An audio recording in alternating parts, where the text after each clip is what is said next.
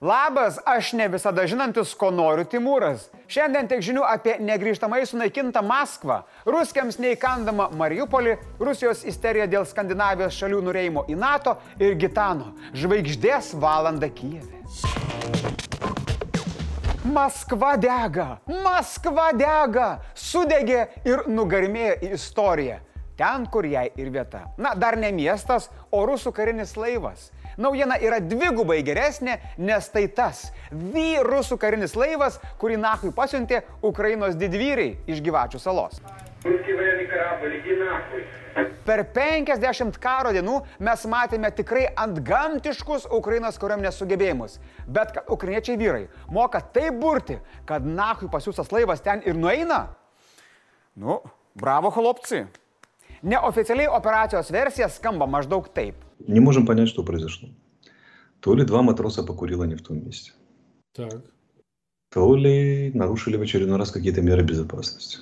Mm. Как-то не везет. Как Белгороду не везло, так Москве не повезло. Rimčiau tai Rusijos Juodosios jūros laivyno flagmaną ir pasididžiavimą kreiserį Maskva nemėgėjiškai užlaužė ukrainiečių gamybos prieš laivinių sistemų raketos Neptun. Rusija įvykio patvirtinti neskubėjo, nu aišku. Tačiau po kurio laiko jų portalai išspausdino naujieną skelbiančią. Laive įvyko gaisras, gaisras detonavo šaudmenis ir stipriai apgadino laivą. Nors Rusija skelbia, kad visą įgulą pavyko evakuoti, ukrainiečiai to stipriai abejoja. Mat jūroje siautė audra. Kai kurie šaltiniai teigia, kad šią sėkmingą operaciją padėjo įvykdyti bepilotis orlaivis Bayraktar. Mes iš rusų, žinot, galim juoktis kiek tik norim, bet tai ne šiaip krūva plaukiančio metalo, na bent iki raketų pataikymo. Kreiserio ir aplinkinių laivų saugumui užtikrinti ant jo denio yra įrengtos oro gynybos sistemos, kurios tikrai būtų sunaikinusios Neptun raketas, tačiau jos negali aptikti mažo, taiklaus turkiško bairaktaro.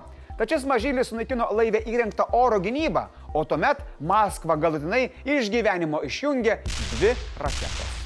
Mūsų krašto apsaugos ministras teigia, kad rusų karinis laivas jau grimsta į dugną. Anot Anušausko, pirmą valandą nakties Maskva davė SOS signalą. Po dešimties minučių kreiseris gulė ant šono, o po pusvalandžio laivė dingo visa elektra. Tiesa, Pentagonas kelbė kiek kitokią informaciją. Anot atstovo spaudai Džono Kirby, laivas vis dar plaukia ir tikriausiai užsuks į Sevastopolį remontui. Na, tikiuosi, kad Džonas klysta. Verta pasidžiaugti, kad visa situacija apsuko pilną ratą.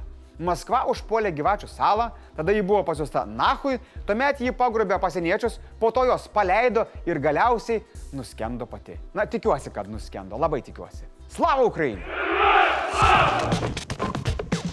Vis daugiau pasaulio lyderių supranta, kad šudiniausias pasaulio žmogus Putinas nėra joks prezidentas, jis yra teroristas ir banditas. Lenkijos prezidentas Andžėjus Duda, lankydamasis Kyivė su kolegomis iš Baltijos šalių, Rusijos karą Ukrainoje pavadino terorizmu. O Kanados premjeras Justinas Trudeau pritarė JAV prezidentui Bidenui. Visiškai teisinga Rusijos veiksmus Ukrainoje vadinti genocidu.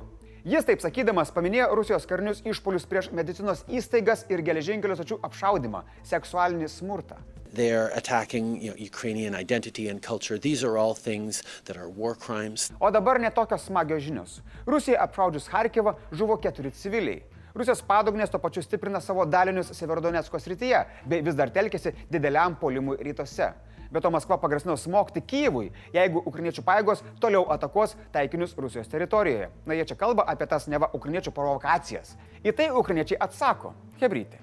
Nereikia čia grasinimų. Mes irgi turime smogiamųjų pajėgų kirsti Rusijai, bet to nedarome. Nes, nu, ukrainiečiai yra normalūs žmonės, skirtingai nei rusai. Ukrainos kariai susprogdino tiltą, kuriuo į Izumą važiavo rusų pajėgos. Visa kolona buvo sunaikinta be piločių dronų. Dar gera naujiena, Ukrainos ginkluotėsios pajėgos jau 15 kartą smogė Rusijos okupantų pozicijoms esančiams Černobaevkos aerodrome. 15 draugai. O JAV parodė karinės pagalbos Ukrainai paketą. Į jį įeis ir 11 sraigtasparnių Mi-17. Plus išplatino sąrašą, ką dar duos už tos 800 milijonų dolerių. Sąrašas juodas. Mmm, juodai geras.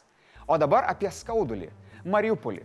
Šiame orkų apgultame ostamestyje galėjo žūti iki 21 tūkstančio žmonių. Be vandens, maisto ir vaistų vis dar yra įstrigę apie 120 tūkstančių gyventojų. Bet čia nuožmiai ginasi Azovo burys ir 36-oji jūrų pėstininkų brigada. Junktinės karalystės gynybos ministerijos žvalgybos ataskaitoje teigiama, kad Ukrainos paėgos didvyriškai gina Mariupolį, todėl į šį rajoną traukia dar daugiau Rusijos karių. Daugiau kaip 10 tūkstančių, o ten ir dabar jau yra apie trečdalį viso orkų kontingento. Pacituosiu Mariupolio merą Vadimą Boičenką. Mariupolis buvo, yra ir bus Ukrainos miestas. Slavo Ukrainai. Neseniai Suomija ir Švedija pranešė, kad visai svarstytų prisijungti prie NATO. Tipo kažkaip ta ilga siena su teroristinė ubagiukų valstybė nekelia didelio saugumo jausmo.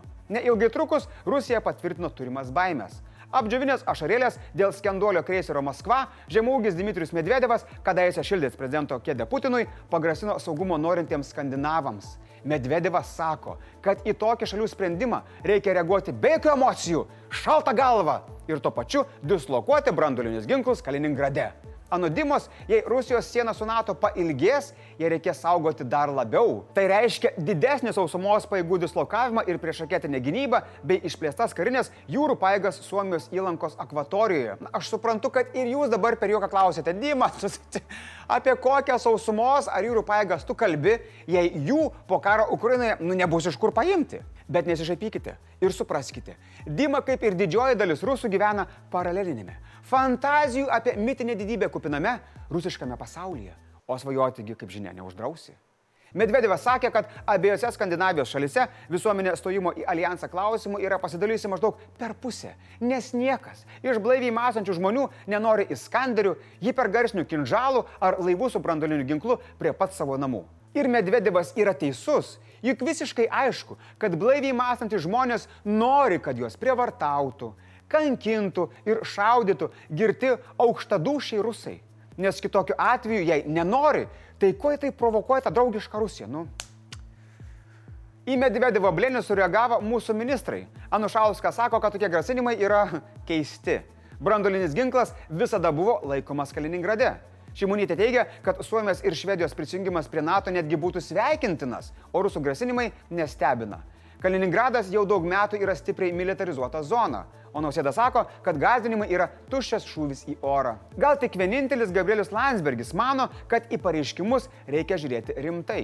Tiesa taip pat pasakė, kad Rusija neturi efektyvių instrumentų atsakyti į galimą Švedijos ir Suomijos prisijungimą prie alijanso. Įdomu, ar prieš sėsdamas į teisimojo kėdę Mariupolio tribunale Putinas nusiūs Medvedevą ją pašildyti. Dima, tai padomai. Jo ekscelencija Gitanas Nausėda pagaliau apsilankė Ukrainoje, kur apsirengęs civilio drabužiai susitiko Volodymyrą Zelenskį.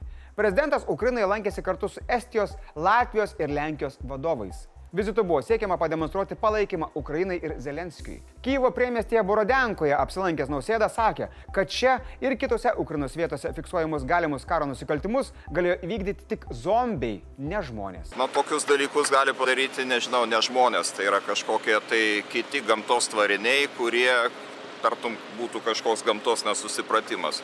Visą tai reikia rodyti visam pasauliui. Jis Putino šiukšlės palygino su I just cannot compare even with Nazis. I think this is a worse than Nazis.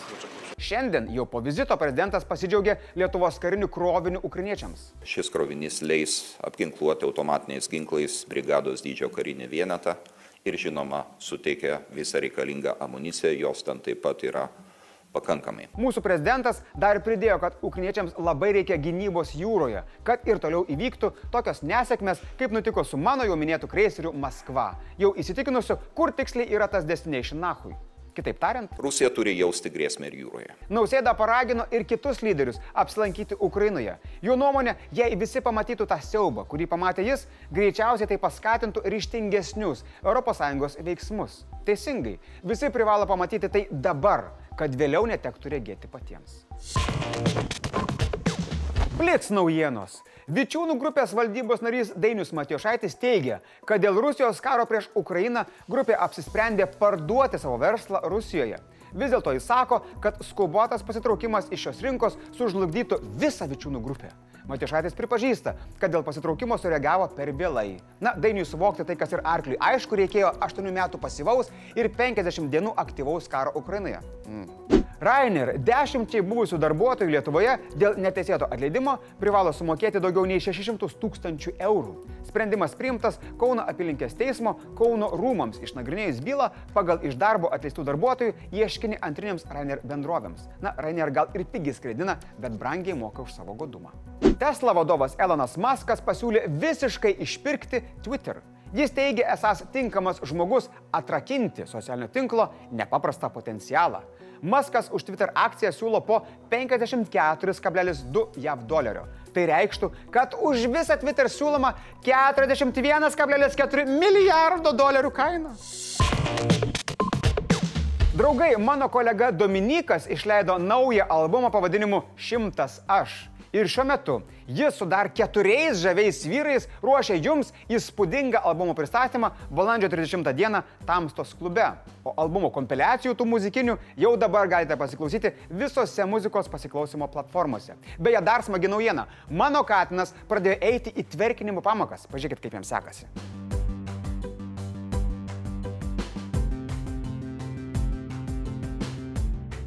Linkiu Jums skanių Velykų ir kietų kiaušinių. Šiandien tiek žinių. Iki.